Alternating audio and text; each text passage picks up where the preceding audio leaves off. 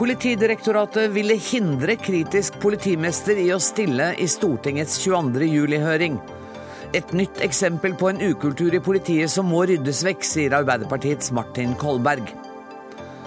I dag er det ett år siden krigen på Gazastripen startet. 2200 mennesker ble drept, og flere enn 100 000 ble hjemløse.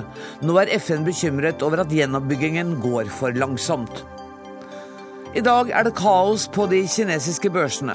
Fallet går kraftig utover sparepengene til vanlige folk, sier økonom.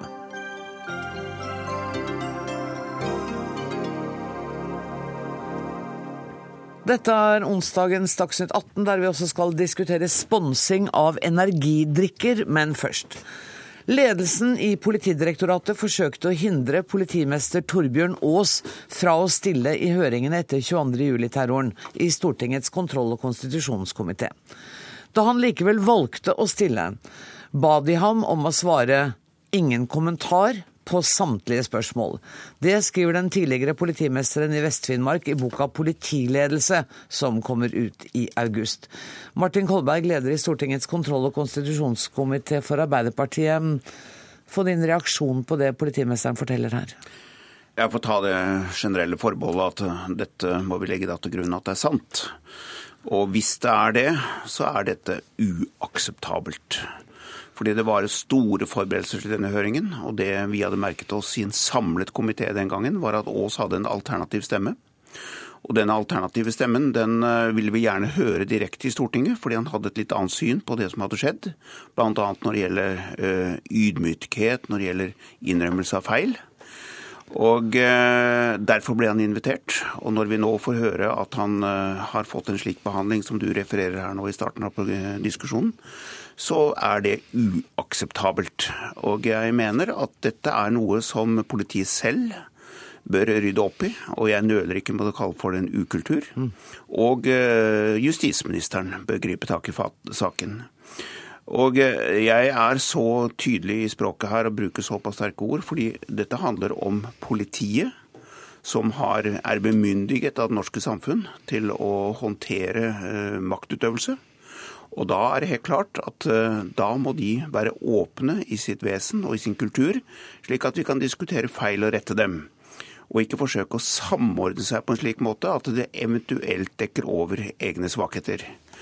Og eh, jeg vil også si at det var jo bemerkelsesverdig, og blir, jeg blir minnet om det nå, hvor, hvor samstemt de som møtte var, og hvor vanskelig det var å få dem til å innrømme at de hadde gjort feil, til tross for at vi hadde Gjørv-kommisjonen på bordet, som jo var knusende.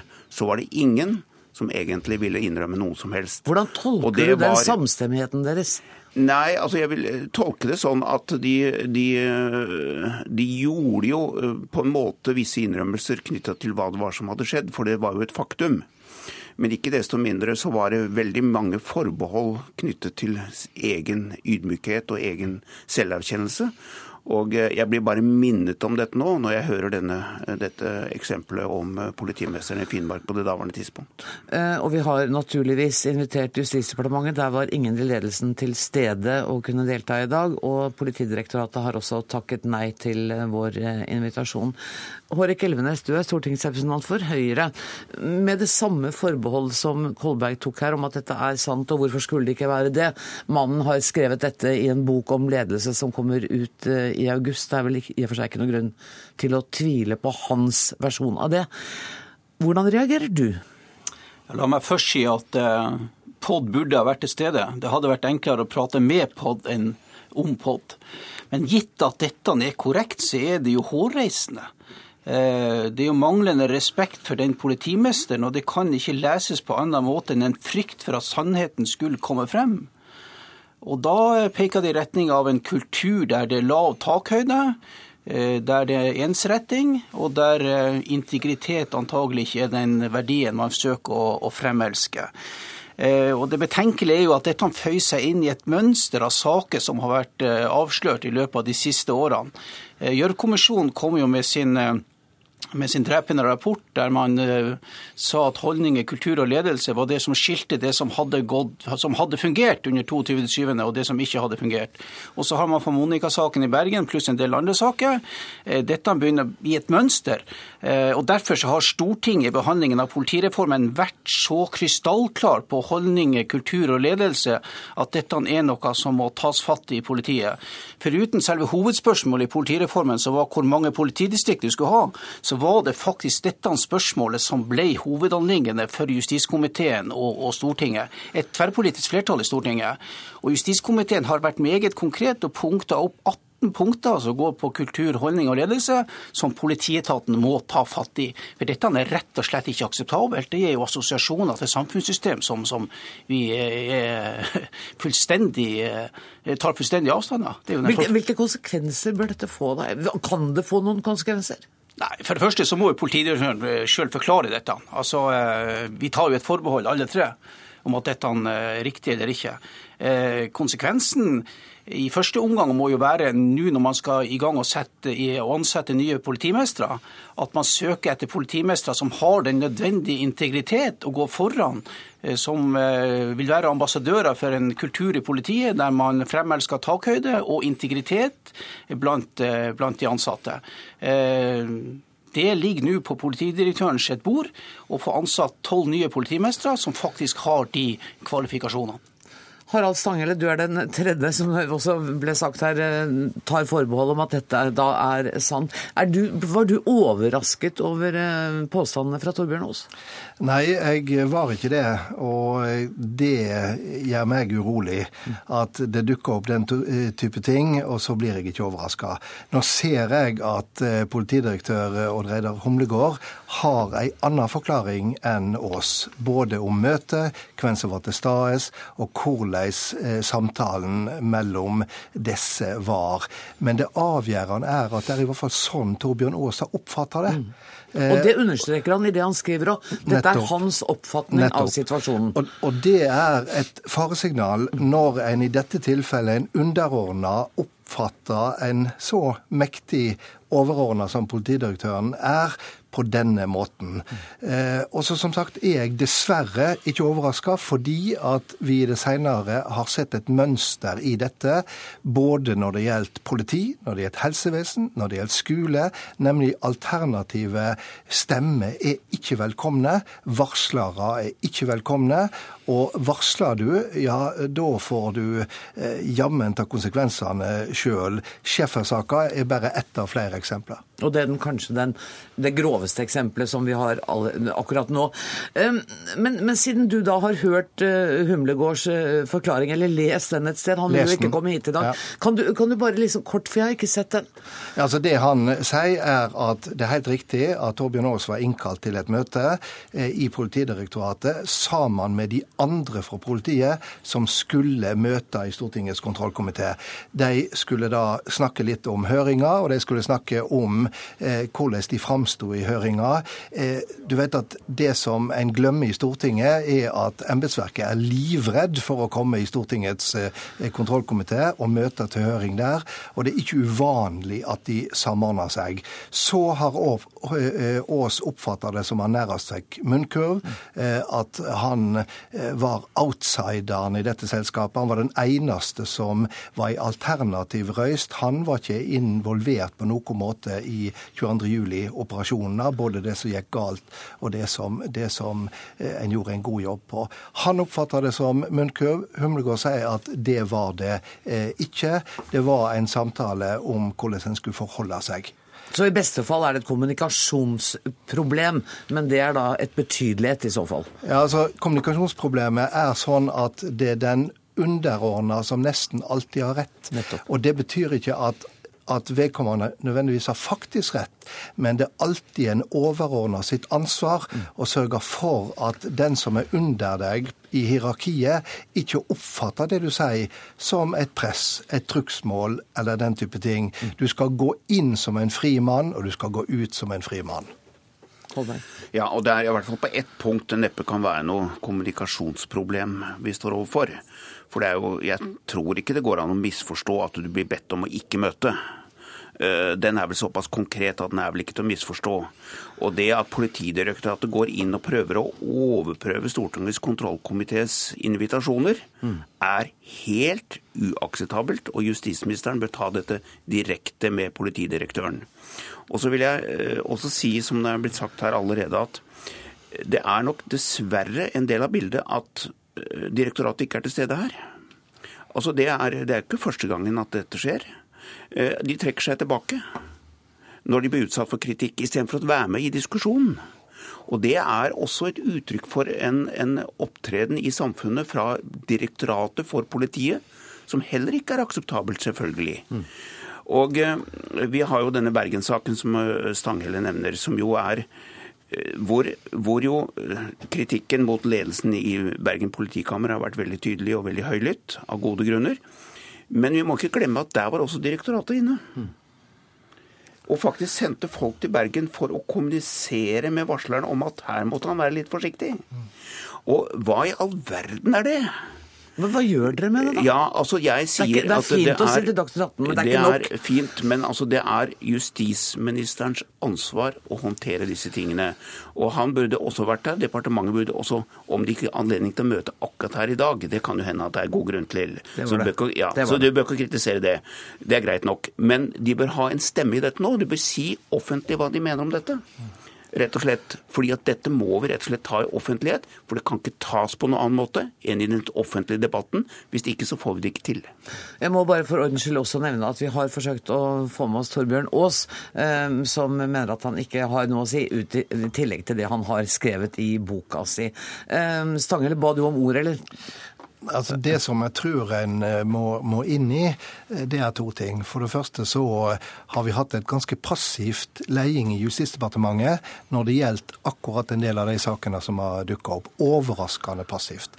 Vi merka meg også at f.eks. da Robin Schäffer fikk eh, politimannen i Bergen, fikk Fritt Ord-prisen Eh, så var det to personer som ikke gratulerte han. Det var politidirektøren og justisministeren. Mm. Det er klart at sånne ting er et signal. Eh, og så tror jeg at dette er en del av en større debatt om ytringsfriheten i eh, offentlige Norge, der det blir mer og mer strømlinjeforma. Lederne blir målt opp imot at det er ro- og glansbildevirksomhet, glansbilde eh, av det, det, de leier. og Det betyr at redselen for alternativet, brysomme, men viktige stemmer, den er stor. Evnes. Ja, man skal være spesielt på vakt for denne type fenomen i eh, strengt hierarkiske organisasjoner som på en måte har et gradsystem. Mm. For da er man opptatt av å avansere i det systemet. Eh, og da kan det på en måte være lett å prate din egen sjef etter munnen. Og hvis du da har sjefer som på en måte fremelsker eh, bekreftelse på seg sjøl og sine egne meninger, så får du en sånn type kultur. Okay. Eh, og jeg tror, tror, politiet faktisk er en etat som kanskje har en del iboende egenskaper som kan fremme denne type, type atferd. Og Derfor så blir det så viktig nå når de nye politimestrene skal ansettes, at man får politimestre som ikke søker bare etter ja-medarbeidere, men ærlige medarbeidere. Og vi satser på at vi får en ny, stor debatt med flere deltakere om dette temaet. Tusen takk for at dere kom, Martin Kolberg, Harald Stanghelle og Hårek Elvenes. Dagsnytt 18 alle hverdager kl 18.00 på NRK P2 og NRK2.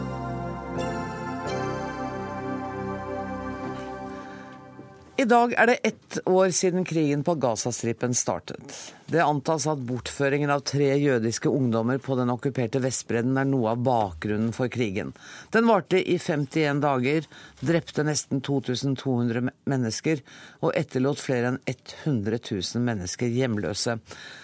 Lege Erik Fosse, du var altså i Gaza for eh, ett år siden på jobb for Norvac, som er en hjelpeorganisasjon, og du jobbet på Shifa-sykehuset der. Og du har hatt, så vidt jeg vet, hatt jevnlig kontakt med folk i Gaza. Hvordan har det gått med dem et år etterpå?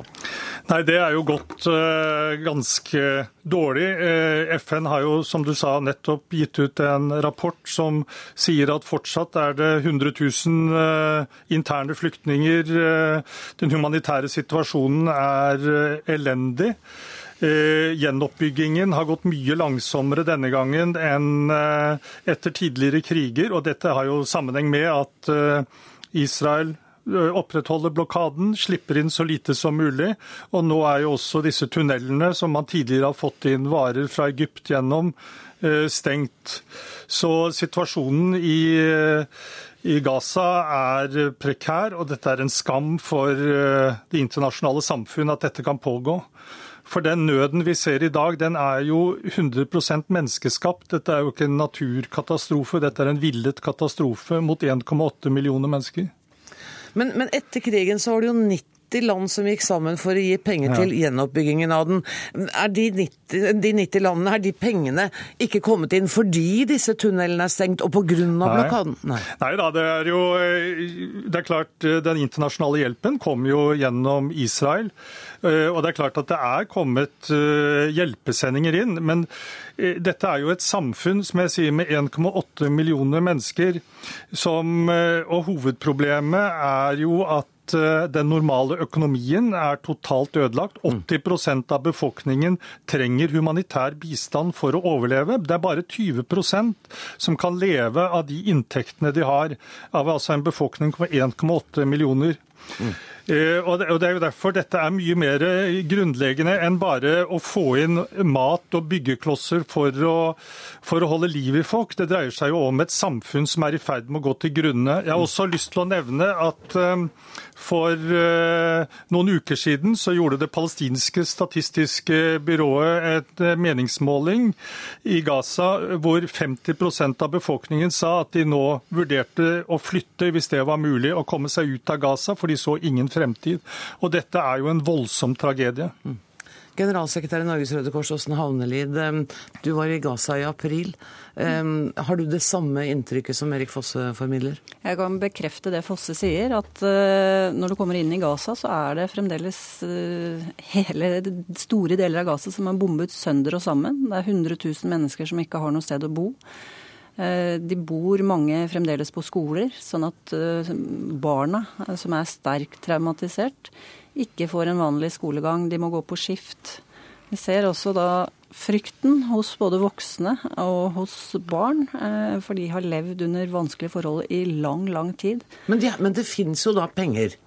Disse 90 landene har jo gått sammen om å gi penger. Hvorfor blir ikke de pengene satt i bruk? Den store utfordringen er jo det at de får ikke varer inn i Gaza. Mat og medisiner har det blitt noe bedre av, også vannforsyninger. Selv om vannet i fremtida i Gaza er et kapittel for seg sjøl, kan bli en stor katastrofe fordi det er så forurensa av kjemikalier, av saltvann. Men når det gjelder alt annet som en familie trenger i hverdagen, eh, ikke bare til å bygge opp husene sine, men til å leve og ta hverdagen tilbake, mm så, så, får de ikke de varene inn. Så vi må ikke glemme Gaza nå, for den humanitære situasjonen er fryktelig vanskelig. Og barna trenger hjelp. Eh, palestinsk Røde Halvmåne jobber jo intenst, eh, bl.a. med traumatiserte barn, og få de til å få hverdagen tilbake igjen. Og at ungene skal få anledning til å gå på skole, og ikke på skift. Selvfølgelig. Eh, statssekretær i Utenriksdepartementet Bård Glad Pedersen, Norge og Egypt har tatt initiativ til en giverkonferanse som var i oktober. 35 milliarder kroner ble gitt. Var det bare ikke nok, eller er de pengene ute og vandrer, eller hva skjer? For det første så mener jeg at det var riktig å arrangere den konferansen. Situasjonen ville jo vært uendelig mye vanskeligere. Jeg mente ikke, å være kritisk i min spørsmålsstilling til det. Jeg er helt enig med deg. Ja, nei, men det, det, det, var noen som var kritiske den gangen, men vi og Egypt gjorde det sammen. Og vi har fulgt opp også i ettertid for å passe på at internasjonale givere gir det de har uh, lovt. Eh, Ca. 1 milliard dollar er så langt gitt. og Dette var løfter som eh, varte over tre år. Jeg skulle ønske at det var mer, for bidragene må komme så tidlig som mulig. For situasjonen er akkurat sånn som både Erik Fosse og Åsne Havnelid beskriver. Jeg var uh, sjøl på Gaza omtrent samtidig som, som Åsen Havnelid. Og det er altså 1,8 millioner mennesker som lever under uendelig vanskelige forhold på et knøttlite område. Men hvorfor har det ikke blitt bedre? Det er egentlig tre grunner til det. Det ene er det internasjonale samfunn må gjøre mer. Eh, vi har betalt ut det vi lovte, og vi er en pådriver for at andre også må gjøre det. Og de må betale så tidlig som mulig. Sier du nå at av de 90 landene så er det mange som ikke har betalt noen ting? Ja, altså En tredjedel av det som ble konkret lovt til gjenoppbygging av Gaza, er utbetalt. og Det var lovnader for en treårsperiode. Så, så, Vi må ikke si at ingenting er gjort, for det er mange land som har betalt ut mye. Men mer må skje, og det må skje tidligere, tidlig i perioden heller enn sent i perioden, for behovene er så akutte. Så er punkt to. eh, Det er behov for palestinsk samling, og at de palestinske selvstyremyndighetene tar kontroll også over eh, Gaza. Splittelsen mellom et PA-styrt Vestbredden og et Hamas-styrt Gaza er en ulykke, ikke minst for palestinerne på eh, Gaza. Eh, Det har to konsekvenser. En, at man ikke klarer å administrere en effektiv gjenoppbygging. Og to, at man ikke klarer å bygge tillit til at det som kommer inn, faktisk går til gjenoppbygging, og ikke til gjenopprusting av militær evne for Hamas og bygging av nye tunneler. Så er det det tredje punktet. Det er lettelser i blokaden for å få inn eh, bygningsmateriell og hjelp. Men ikke bare det. Det er ikke nok. Eh, Det er nø- nødvendig med lettelser som gjør at handel kan komme i gang igjen. For Vi kan ikke ha en situasjon der 1,3 millioner av de 1,8 millioner er avhengig av nødhjelp. De er nødt til å få jobber, utvikle mulighet til å drive handel, skape vekst, håp om en fremtid på Gaza. Og Det forutsetter at man kan handle på tvers av grensen fra Gaza til Vestbredden, men også fra Gaza til eh, Israel. Men dette er jo ideelle og, og fine tanker. Men de skal gjennomføres i praksis, og dette har vi snakket om i årevis. Ja, ja, Det er en veldig vanskelig eh, situasjon nå. og eh, Åsen Avnelid sa noe viktig i sted, nemlig at eh, vi må ikke glemme Gaza i dagens situasjon. og Vi, vi, vi møtes jo her jevnlig for å snakke om enorme katastrofer mange steder i verden. Syria, Irak, Sentralafrikanske republikk, mange steder.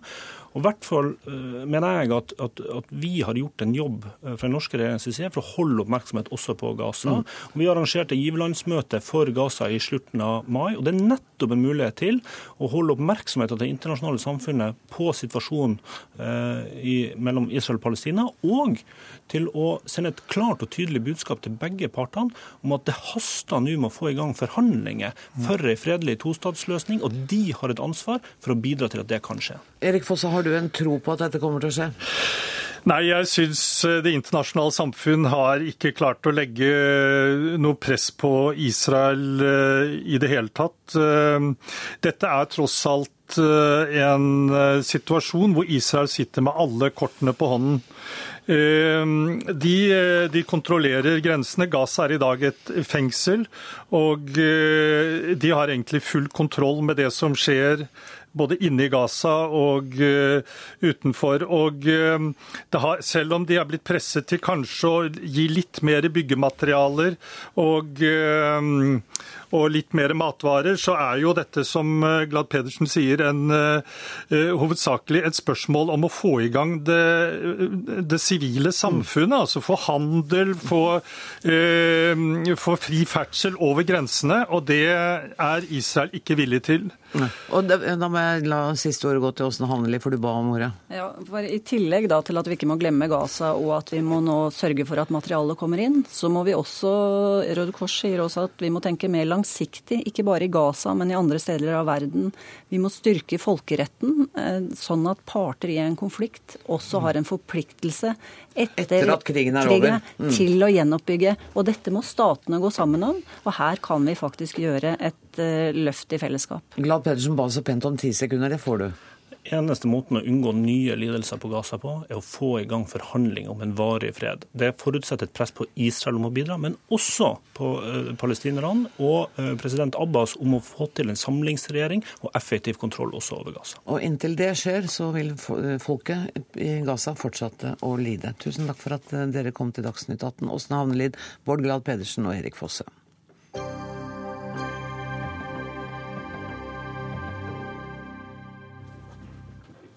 Det har vært en dag med røde tall på børsene i Kina. Etter flere dramatiske fall den siste tiden sank børsen til nye bunnivåer i dag morges.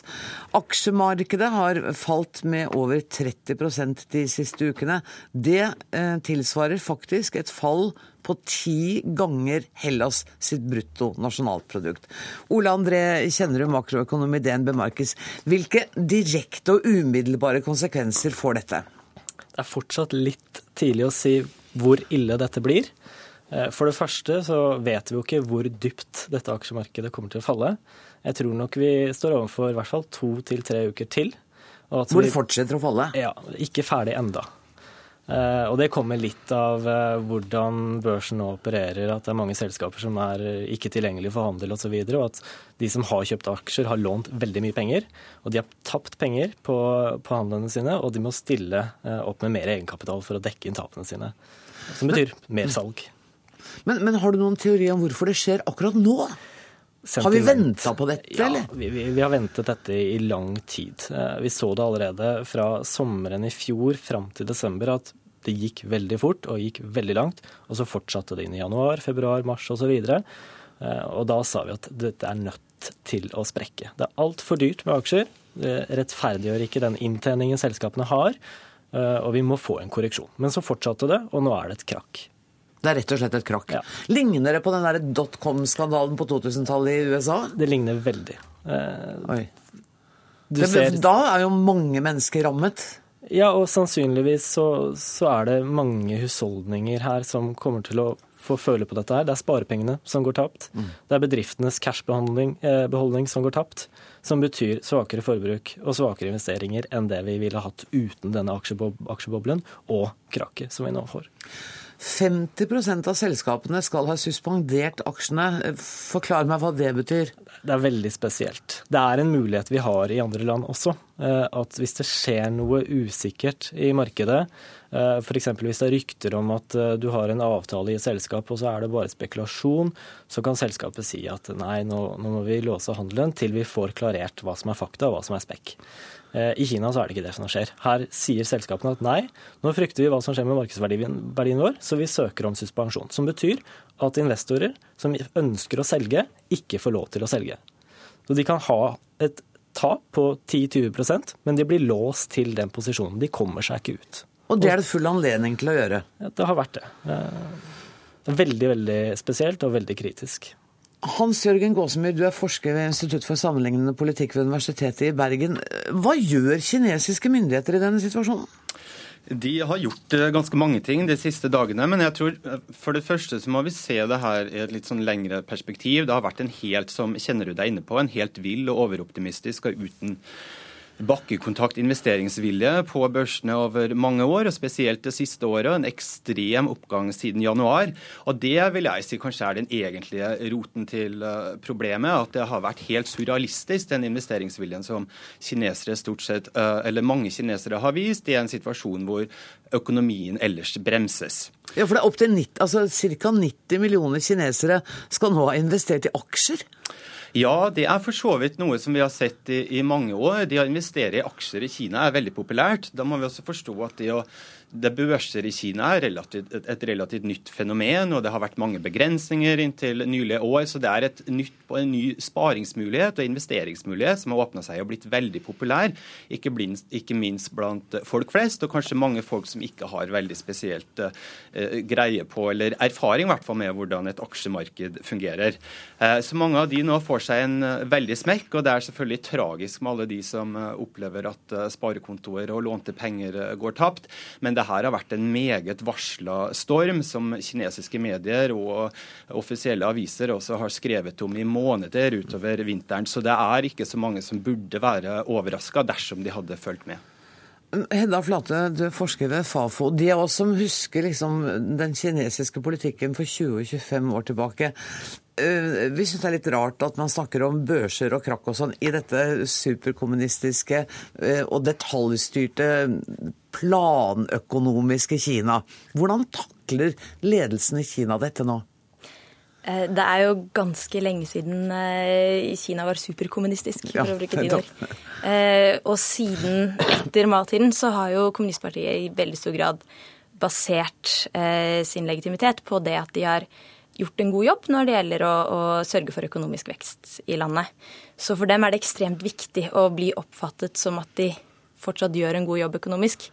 Og man ser jo kanskje litt på måten eh, denne krisa har blitt håndtert på, at de er veldig bekymret for hva som kan skje eh, hvis det skulle bli alvorlige og langvarige virkninger av, eh, av en, en, type krise som dette er. Ja, For da er troverdigheten deres også svekket? Da viser de at de har ikke kontroll på veksten, og det kan gå helt galt?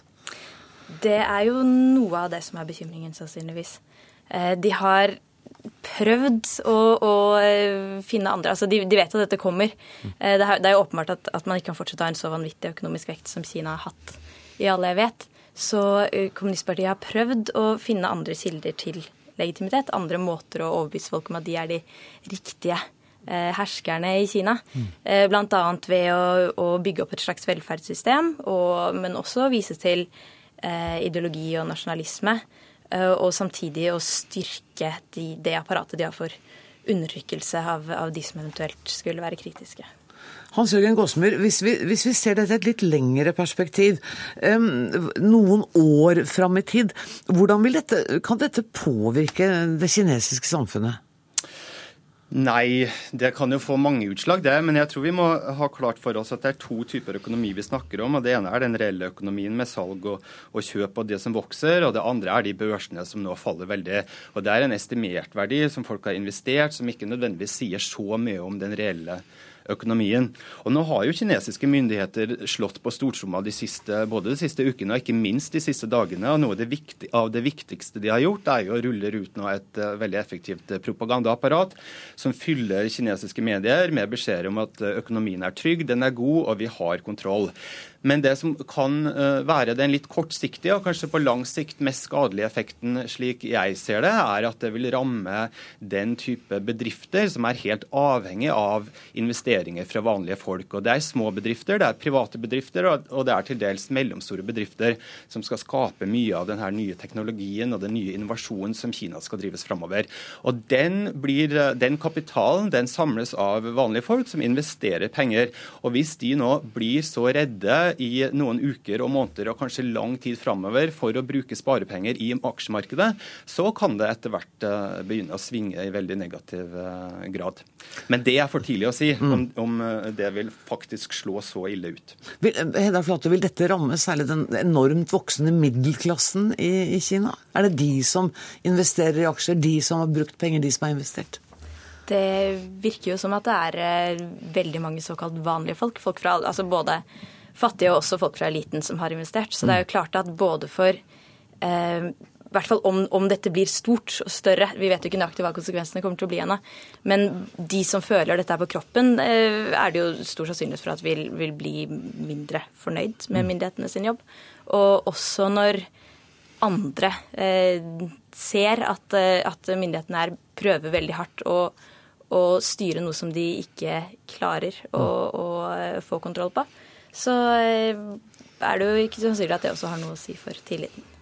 Ole André, kjenner du eh, ringvirkningene av det som skjer i Kina? Kan, det, kan dette få noen konsekvenser for andre land? Ja, og bare for å ta en annen ting også. Du var inne på de langsiktige effektene her. Eh, og jeg tenker nok tilliten til det kinesiske markedet her får seg en liten støkk. Ikke fordi børsen faller, men måten myndighetene reagerer på mm. Eh, når den faller. Måten de intervenerer, måten de tillater at selskaper eh, suspenderer sine aksjer. Eh, veldig negativt for investorers tillit eh, mm. til det kinesiske markedet. Og det er lite sannsynlig at store fond eh, internasjonalt er eh, veldig happy med å gå inn i det kinesiske markedet på lang sikt. Så det vil være en tilbakeholdenhet fra de internasjonale ja, store fondene? Og Kina trenger kapital.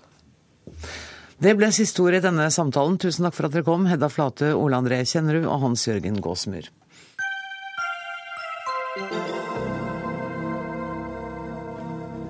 Sjefen ble dømt til tre års fengsel. Hans nærmeste medarbeidere ble dømt til mellom to og to og et halvt års fengsel. Yara-dommen kalles historisk, viktig for internasjonalt korrupsjonsarbeid. Og Tidligere korrupsjonsjeger Eva Jolie, du har sagt at dommen sender et veldig viktig signal til alle konsernledere og ansatte i multinasjonale uh, selskaper. Hva slags signal er det denne dommen sender? Ja, Den sier jo veldig klart at fra nå av så er det ikke bare uh, altså, filialdirektøren eller de små som blir tatt, men selve toppsjiktet. Det som er veldig sterkt i Yara-dommen, er at det er konsern, konsernledelsen selv mm. som står til rette og som er blitt dømt. Og det er veldig sjeldent. Det kan vi slå fast. Er det ikke litt spesielt at vel, jeg leste, skumleste så vidt, at, at konsernsjefen er dømt bl.a. for psykisk medvirkning? Altså, Han var informert. Det beviser de. At han fikk, han fikk meldinger, han fikk mailer. Og de avleder også fra lederstilen hans. De sier at han var delegerende, og at det ikke er troverdig at han ikke At f.eks. Ken Wallace ikke delte med ham alt han gjorde. Så de har, de har også en psykologisk analyse. Ifølge dommen så har Enger bevisst valgt å ikke vite. Hvordan kan domstolen vite hvorvidt et sånt valg er bevisst eller ikke? Kan det ikke bare hende at noen unnlot å fortelle ham?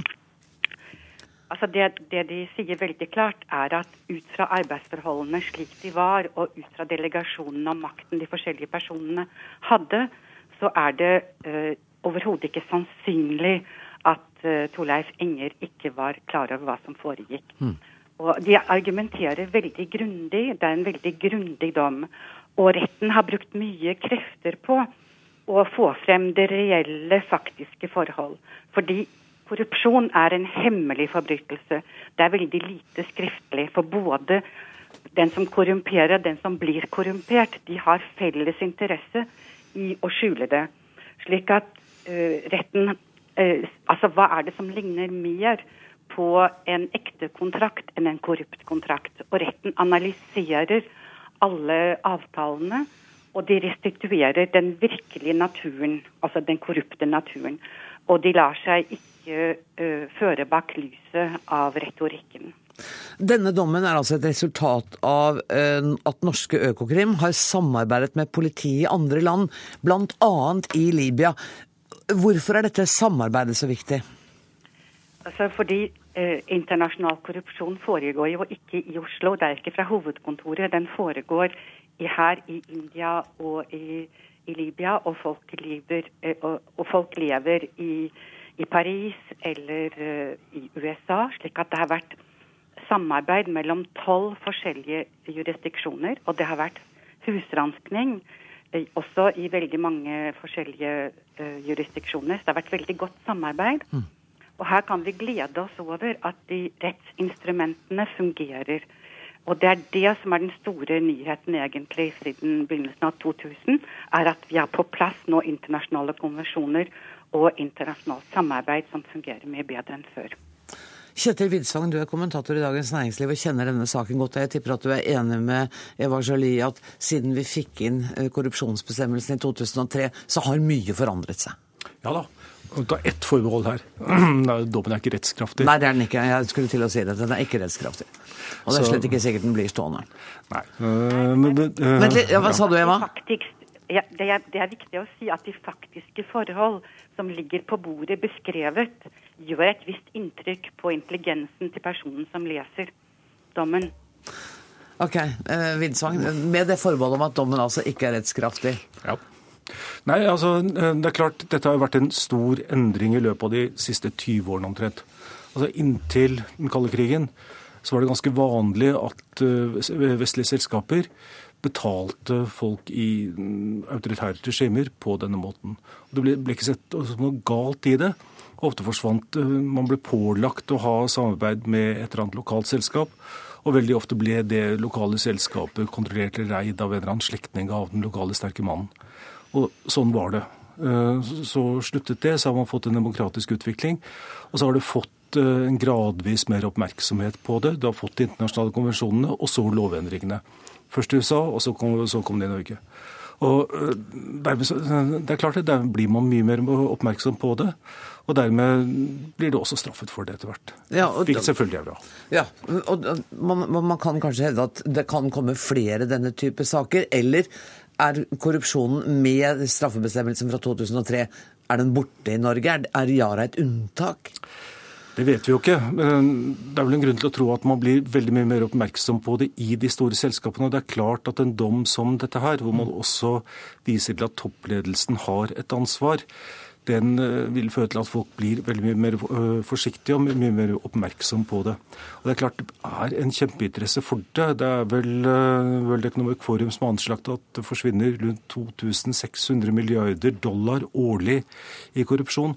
Og det er veldig mye penger. FN har kommet til at tapene for fattige land uh, i korrupsjon utgjør om lag ti ganger så mye som man får i bistand fra det internasjonale samfunnet. Så det er klart dette er enorme penger, altså. Og de er man oppmerksom på, å prøve å finne.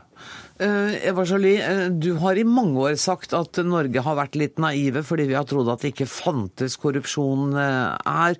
Vil du tro at denne saken, altså igjen, som ikke er rettskraftig, at denne saken er enestående?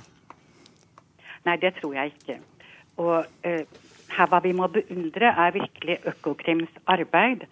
Og særlig når de, eh, har, når de beviser hvordan betalingen skjedde eh, i, i, Libya. Hvordan den var skjult. Mm. Hvordan de brukte en tredje person som var Nico Shem, til å betale. Og hvordan den ble tilbakebetalt via overfakturering. Altså Dette er et utrolig gigantisk arbeid for å bevise betalingsstrømmen ved overfakturering, det har, det har, vært et kjempearbeid, helt sikkert.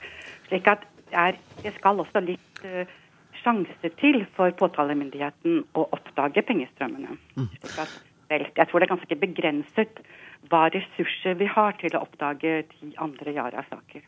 Det blir også eh, påpekt i denne dommen at det er veldig sjelden man har faktisk noenlunde håndfaste bevis som man kan uh, dømme noen på. Og når man da faktisk har det, så er det veldig viktig å ta tak i det. Mm. Men du, straffutmålingen straffeutmålingen ble jo ikke som aktor nedla påstand om hvitsvang. Eh, Den ble tre år for toppsjefen. Hva syns du om det? Nei, Dette er vel en, en, av de tingene som sannsynligvis havner i Høyesterett etter hvert, for å finne ut hva nivået bør være. Jeg tror egentlig ikke det betyr så veldig mye. Altså Om du setter en administrerende direktør i fengsel i tre eller seks år, så tror jeg nok det er marsjen fra direktørkontoret til fengselscellen som betyr noe, ikke hvor mange måneder han skal sitte. Var du overrasket over at tingretten eh, fant og ville fengsle? Eh, vi ble overrasket over at eh, alle fire ble dømt, ja. Og at det var såpass klart. Mm. Og så skal, nå skal saken eh, Det er allerede anket for tre av dem. Tre av dem, ja. ja. Så, og det kan ta litt tid før den skal opp i lagmannsretten. Det tar vel et år i hvert fall før uh, vi skal på neste runde. Da kommer vi til å snakke om den i dette studio en gang til. Tusen takk skal dere ha, Eva Sjali og Kjetil Widsvang. Hør Dagsnytt 18 når du vil. Radio NRK Radio.nrk.no.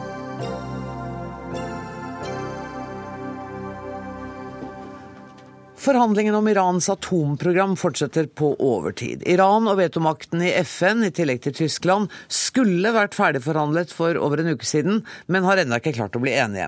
Iran har siden 2006 vært underlagt restriksjoner av FNs sikkerhetsråd pga. landets atomprogram.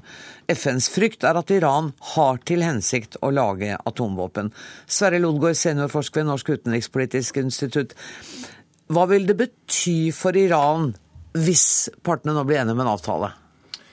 Det betyr at eh, sanksjonene skal heves, dvs. Si de sanksjonene som retter seg mot eh, atomprogrammet. Andre sanksjoner vil stå ved lag, altså de som retter seg mot eh, medvirkning til terrorisme og menneskerettighetsbrudd.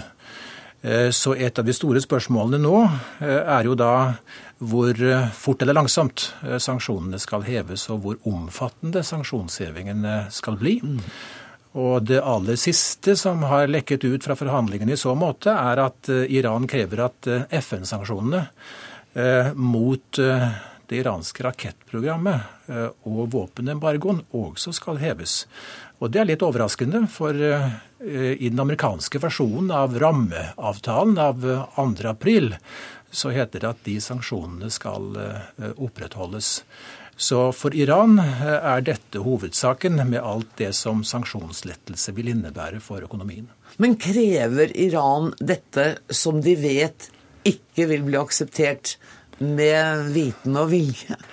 Ja, dette er interessant, for eh, hvis det er riktig, så betyr det antagelig at eh, partene nå forhandler etter en slags vinn-vinn-oppskrift, eh, hvor de søker maksimal uttelling, begge sider, på de feltene som er viktigst for dem.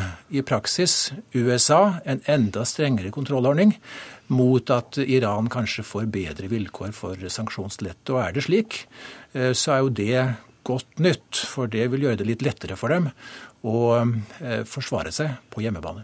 Men du begynner ikke tida å løpe litt fra dem nå?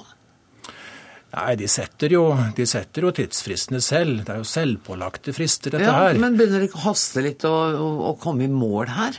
Jeg hastet for så vidt med å komme i mål før i morgen, fordi at eh, hadde de kommet i mål i dag, så ville Kongressen bare hatt eh, 30 dager på seg til å endevende denne avtalen.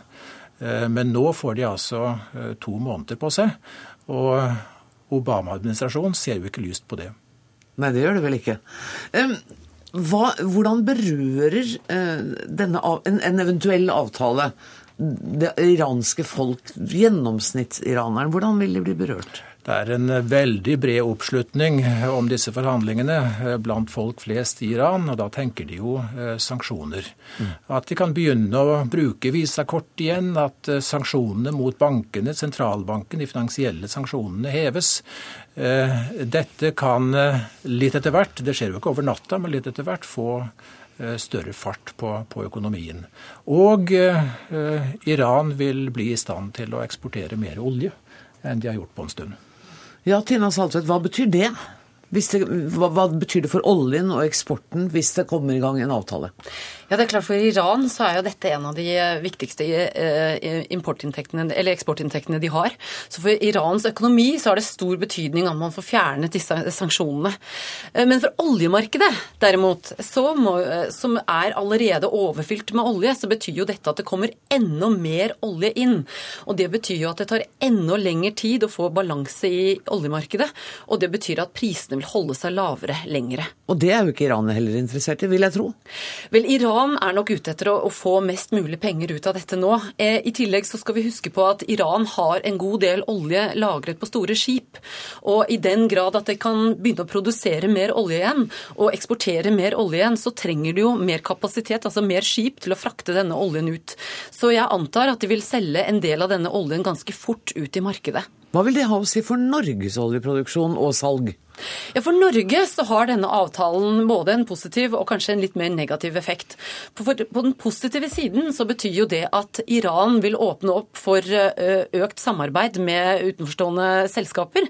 Vi vet jo at Statoil har vært i Iran tidligere, og andre, også oljeservice, leverandørindustrien, ser også mulighet til å komme inn og begynne å produsere og hjelpe til i, eller å jobbe da i Iran. Men for oljeproduksjon her på norsk sokkel så betyr det jo bare at det kommer enda en billig konkurrent inn i markedet. Og det gjør at vi får enda større press på de dyrere områdene her i Norge, og må kanskje sette enda flere prosjekter på hold. Lodgaard, nå har vi snakket om de, om de praktiske uh, gjennomføringene og konsekvensene av en, en sånn forhandlingsavtale. Men hvis vi ser det politiske, hva har Russland f.eks. å tjene på denne avtalen? Hva er deres interesser her? Ja, De har jo fisket i rørt vann eh, i lang tid. Ehm, de har inngått tentative avtaler med, med Iran, eh, og sånn sett vært i, eh, i, fronten når det gjelder å komme tilbake til, til Iran. Men samtidig eh, har jo Russland, liksom Kina og de andre stormaktene, holdt sammen stort sett. Det har vært en del nyanser mellom dem. Frankrike f.eks. har laget krøll i noen omganger, strammet inn litt i håp om å få nye, store kommersielle avtaler med Saudi-Arabia og andre på den, på, på den arabiske halvøya og de har også lyktes med det. Men i det store og hele så har altså stormaktene stått sammen og gjør det fortsatt eh, i, disse forhandlingene. Ifølge Bloomberg og Reuters så viser undersøkelser at omtrent 40-45 millioner av Irans oljefat ligger i disse eksportklare skipene. Det må da bekymre de andre landene?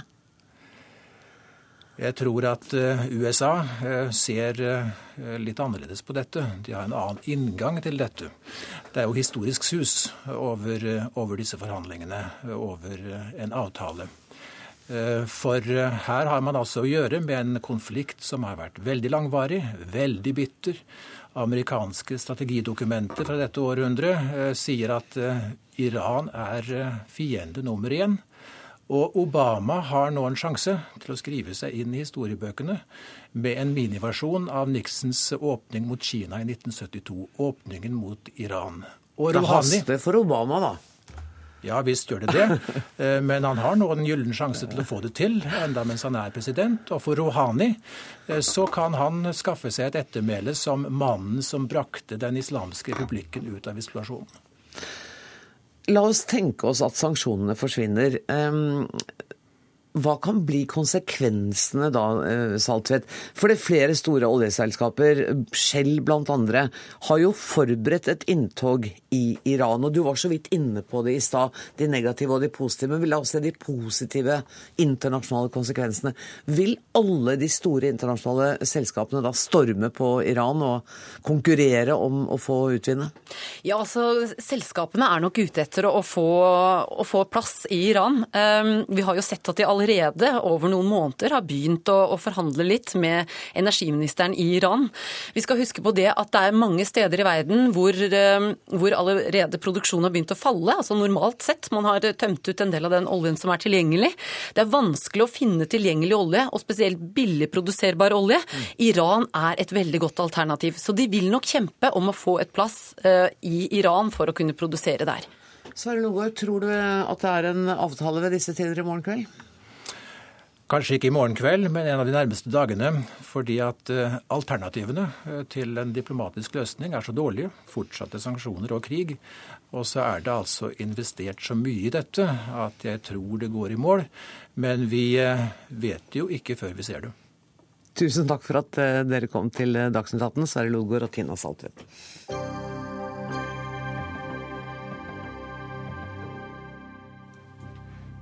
Unge mennesker kan få alvorlige problemer av koffeinholdige energidrikker. Høyt inntak av koffeinholdige energidrikker hos barn og unge kan føre til hjerteproblemer, bl.a. hjerterytmeforstyrrelser og akutte blodtrykksøkninger. Foreningen kaller det uetisk at det finnes slike energidrikker på flere idrettsarrangementer der barn og unge deltar. Frode Jaren, du er generalsekretær i LHL. I en kronikk i Aftenposten i dag angriper du energidrikk- og brusindustrien, som er store sponsorer av idrettsarrangementer for barn og unge. Hvorfor dette voldsomme angrepet? Jo, som du innleder med, så er dette drikker som er eh, veldig sterkt Eh, skadelig eh, for eh, barn og unge. De bør ikke drikke dette her overhodet. I 2013 så foreslo helseministeren å lage en lov som forbød industrien å ha, reklamere for usunne produkter mot barn og ungdom. Da gikk industrien så å si av hengslene. Protesterte. Så kom det til et kompromiss om at industrien skulle regulere dette selv. Ehm, nå ser vi altså at det er stor, storstilt sponsing av idrettsarrangementer som retter seg mot eh, eh, barne- og ungdomskulturen. Petter Nordmann, du er direktør i Bryggeri- og drikkevareforeningen og representerer Coca-Cola og Ringnes. Eh, hva er ditt svar på dette angrepet? Det hadde vært sant, så hadde det vært fryktelig. Men det er ikke sant i det hele tatt. Energidrikkprodusentene er veldig klar over at slike drikker skal ikke drikkes av barn. Derfor markedsføres, markedsføres det ikke mot barn og ungdom. Og dette med at det er en storstilt sponsing av arrangement for barn er rett og slett usant. Beklager å måtte si det, Frode Jarn. Jeg er helt enig med deg. Én ting. Barn og unge skal ikke drikke dette. Derfor skal du være veldig glad for at vi har en ansvarlig industri i Norge som bl.a. har tatt kontakt med Idrettsforbundet for å få renska energidrikkene ut av barneidretten. Det er det vi driver med. Ja, det, det er, eh, vi, vi, ser jo at Monster, f.eks., som er en av de store energidrikkene, eh, de sponser eh, X Games. Vi ser at uh, Red Bull eh, skal ha et arrangement nede i Bjørvika uh, nå om, om, ja, i august, faktisk som heter Red Bull Flugtag, hvor de da skal lage fly som sender utover Men dette er landet. ikke et arrangement for barn? Det er, Nei, det er et arrangement for familier, Petter Nome. Og det retter seg selvfølgelig også mot barn og uh, ungdom. Det, det, nytter ikke å sitte her og bare benekte at dere gjør det. Alle som vil, ser at dere er med på å sponse arrangementer som retter seg mot ungdomskulturen. Selvfølgelig gjør dere det. Ja, Nå er det litt ugreit for meg å sitte og snakke for Red Bull. Det er en østerriksk produsent som ikke stiller i debatter, og som nei, heller ikke er medlemmer hos oss. Red Bull men, vil ikke komme her i dag. Nei, men, de vil aldri komme i debatter, og det syns jeg er dumt av dem. Men når det gjelder de seriøse norske produsentene energidrikker, har vi en veldig, veldig klar politikk. Altså, Matvarebransjens faglige utvalg setter en grense på 13 år. Vi har sjøl heva den grensa til 16 år. Det skal ikke foregå, og det foregår ikke marked markedsføring og sponsing mot uh, ungdom under 16 år. Men Frode Jaren, er ikke foreldrene litt inne i bildet her òg? Kan, kan, ikke kloke foreldre si at ungene mine skal ikke ha dette her? Jo, det bør kloke foreldre si. Men må, liksom, må myndighetene inn og overta det ansvaret òg? Ja, Vi mener nok at myndighetene bør inn og ta et større ansvar når industrien da viser seg ikke å ta eh, ansvaret. Eh, husk på at eh, sånn som Red Bull de... Ja, Men de er ikke her, så la oss ikke snakke om den. Petter Numme representerer bl.a. Coca-Cola. Så vi snakker om dem som vi faktisk kan snakke med. Og Coca-Cola eh, eier også energidrikker som Burn, f.eks. Men du vet like godt som meg, Frode Jarn, at når Coca-Cola opptrer på idrettsarrangement for barn, så fins det ikke Burn. Det fins ikke Monster, det fins ikke en dråpe energidrikk. Det er et av de selskapene ved siden av Ringnes som når de er til stede, enten som sponsorer eller som vanlige eh, kommersielle samarbeidspartnere, så tilbyr de minst like mye sukkerfrie produkter.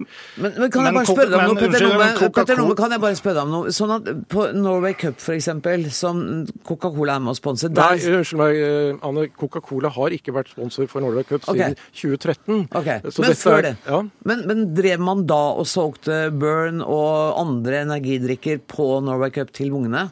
Så vidt jeg vet, så gjorde de ikke det. Men, men det, jeg kan, det jeg kan gjerne innrømme, er at var nok, man var nok mer slepphendt for noen år siden. Man hadde ikke den samme bevisstheten og var ikke like ansvarlige. I dag så er, dette, så er det en veldig veldig streng selvdisiplin rundt dette. Så jeg må jo si jeg blir ganske oppgitt over Frode Jarens demonisering av bransjen. Jeg skulle mye heller samarbeide med Frode Jaren om det vi har som et felles mål, nemlig å få barn og unge til å slutte å drikke energidrikker, og for det saks skyld andre drikker med for mye sukker i. Jo, men vi vil gjerne samarbeide med hvem som helst, vi som, som skal jobbe for å redusere forbruket av energidrikker hos barn og unge. Fordi, ja, da, da det, fordi, det forbruk, fordi, det, forbruket er nemlig veldig høyt, og det er skadelig for eh, barn og unge unge. Men det er dere jo helt enige om. Ja. Og, Petter Nome sier jo nå at eh, næringen, hvis jeg forsto deg riktig, Petter Nome, næringen har forandret seg betraktelig de siste årene. Ja. Er mye mindre aggressiv i markedsføringen overfor barn og unge. Og oppfordrer også barn og unge til ikke å drikke for sukkerholdige drikker. Var det riktig oppfattet, Petter Nome? Det er helt riktig oppfattet. Men når, også... når Coca-Cola er til stede på sånne arrangementer, så er det for å selge mer Coca-Cola bl.a. til eh, ja. ungdom. og det Eh, ungdom trenger ikke å drikke mer sukkerholdig drikke, de bør drikke mindre. ikke sant? Det er helt riktig, og, ja. og, Derfor så er jo de produktene Coca-Cola satser mest på, det er de sukkerfrie variantene. Det største produktet i Ringene, som er det andre medlemmet jeg representerer, det er Pepsi Max, som er en sukkerfri drikk. Og du skal være klar over at Sukkerforbruket i Norge har gått ned med 25% 10 kilo per snute de siste ti ja, årene. Fortsatt er det altfor høyt. Det kan så være, men hovedgrunnen til nedgangen i sukkerforbruk er overgangen fra brus med sukker til brus uten sukker. Dette kan ernæringsekspertene bekrefte.